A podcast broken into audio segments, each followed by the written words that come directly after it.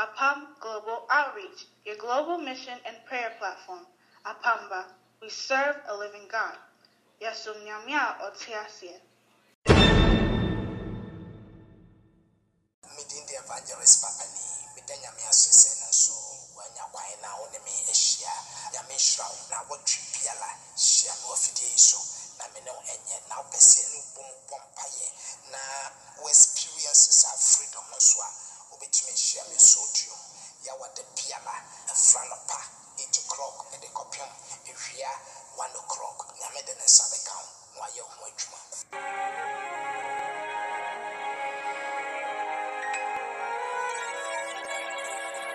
Say this after me, Holy Ghost. I need your power. I need your unction to change my life in the name of Jesus. Oh Lord, my deliverer, let the power in your blood speak for me. Mede da so yes way. Entwerɛyɛ bɔne biara mefie abaifo atwerɛ yɛafa me ho yesu mogya no ma ɛmpepa ne nyinaa. Owura jesus. Sunsum mu market. Sɛ yɛde me akɔgyina hɔ yɛde madeɛ bi akɔgyina hɔ a ɔmo tɔn a a ɔmo bɔ ne donko bi a yesu mogya no mede pete so. Sɛ obi ato mpa a yesu mogya no mede pata agye maadeɛ mede pata agye maadeɛ mede pata. Amen and amen. Among other things deliverance ministry is very very important ministry nneɛma no nyinaa ɛ, ɔgyeɛ adwuma no ɛna ɛho hia paa Many a times when you are talking about deliverance, mpɛn bebree yɛka wɔgyeɛ a most people get offended. nnipa bebree ɛyɛ a na ɔmo nte aseɛ They believe that we should just tell people about going to heaven. In- In heaven, you don't need deliverance there. You need deliverance here. But if some people are not delivered, there is no way they can make it to heaven. Praise the Lord. hallelujah Because people who are possessed with witchcraft, they can't go to heaven. People who are controlled by spirit of poverty, ɔmo a wohia honhom hyɛ ɔmo so. People who are under curse, ɔmo a ɔmo hyɛ nnome ase. They will find it difficult to live godly life. ɛbɛyɛ den sɛ ɔmo bɛbɔ nyamesom ba abra Many people do things they don't want to do, but spirit move them to do it. nnipa bebree eh, ɛ, nneɛma bebree ɔmo mpɛ sɛ ɔmo yɛ ahonhom hyɛ There are a ɔmo yɛ. people who hate what they do, nnipa bebree ekyi deɛ ɔmo but they have no control over them over themselves.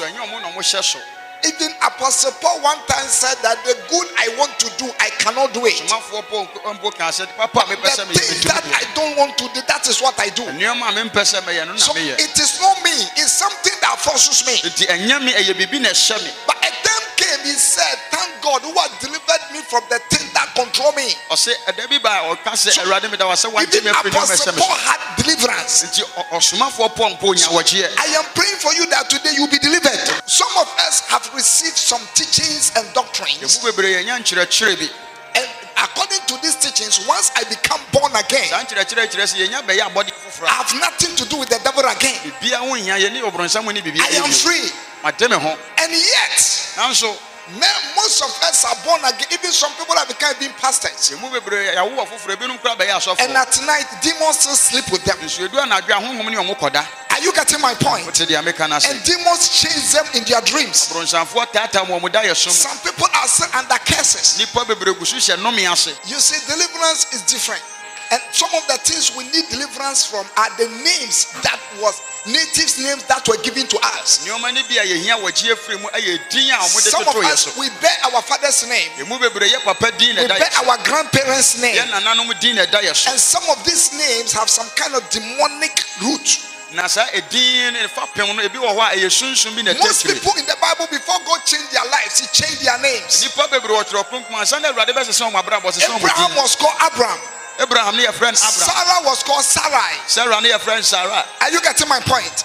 Israel was called Jacob. israel ne yɛ frɛ no jacob Even Jabez's name was changed. jabez kora yɛsesa ne din Daniel, Meshach, Shadrach, all of them, their name were changed. daniel no yɛsesa wɔn din Joseph's name was changed in Egypt. Joseph nso yɛbɛsesa ne din So wɔ misiri mu sometime before your life can change, yɛmpɛn bebree ansa na we have to work on your name. ɛsɛ sɛ yɛyɛ wo din ne ho Today, I soak your name into the blood of Jesus. And let me- If there is any negative thing connecting to your name sɛ ade bɔne bi bata wo din ho a that does not allow you to excel, a ɛmpɛ sɛ wobɛdi nkonim I am praying for you today. mebɔ mpayɛ de ama wɔ Those ɛnɛ demonic connotation shall be broken. saa ɔhohom fi no ɛbɛbiri And you shall receive deliverance. wobɛnya wo fa ahodie. Some of us, our our our hometown, yɛn mu bebree yɛ kurom.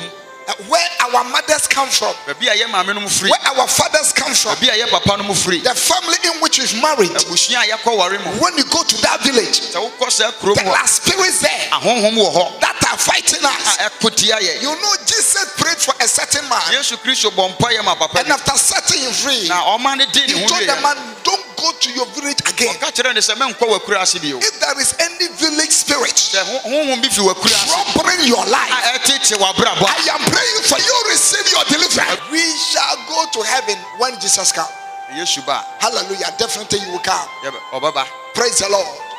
But if you finish our work yɛwie yɛ adwuma and he has not come, a na ɔmaa yɛ our children will continue uh, the life a yɛn mma bɛtoa abrabɔ and will go and join Peter and Co. yɛbɛkɔ akɔka petro at Paladisi. But before we leave here, we must leave blessings behind. You believe that blessing is part of the gospel? Human being lives are controlled by two things blessings and curses. nipa abrabɔ nneɛma mmienu na ɛhyɛ so nhyira ne nnome But you need curses. wohia wɔgyeɛ afiri nnome mu If you are under any form of curse, wohyɛ nnome biara by the power in the blood of Jesus, tumi ɛwɔ yesu mogya may no you receive deliverance. sɛ wɔfa ahodeɛ What are curses and how do they come by? deɛ ne nnome na kwan bɛn kora na ɛfa so ba Most of them come by our root and our blood. ebinom ɛnam yɛ mogya mu ne yɛ- yɛ- yɛ- What my father did, what my mother did, what my grandparents did. deɛ yɛ papa yɛ deɛ yɛ mame yɛ deɛ yɛ nananom yɛɛyɛ If you are here sɛ wowɔ ha and your grandparents na wo nananom or your parents, any of them were involved in rituals, ɔmo bia deɛ ɔmo ho kɔhyɛ nyankom adesɛm mu. Any of them were involved in witchcraft, ɔmo deɛ ɔmo ho kɔhyɛ abayiguro mu. Any of them were involved in pouring of libation, ɔmo bia deɛ ɔmo ho kɔhyɛ consulting mediums, ɔmo dwane kɔtoa ntumi ne joining secret societies, de ɔmo ho hyehyɛ ekuo bi mu. Invoking draft spirits, ɔmo twe a eh, ɛmotia honhom. And they give birth to you. na ɔmo- ɔmo de awo. You might not follow it. ebi a wodeɛ wondi saa deɛ n'akyi According to the scriptures, sɛdeɛ ɛ, nyame asɛm seɛ anybody that does these things, obi biara a ɔyɛ saa nneɔma the girls follow them and their children, children. ɛnome no di n'akyi kɔdi ne mma ne ne mma And so if you are here- nti sɛ wowɔ ha and your parents were involved na wawofoɔ no ma in any of these things, ɔmo ho kɔhyehyɛ saa I am praying for you. Ɛna na mebɔ mpaeɛ Oh, come on, and you receive your deliverance.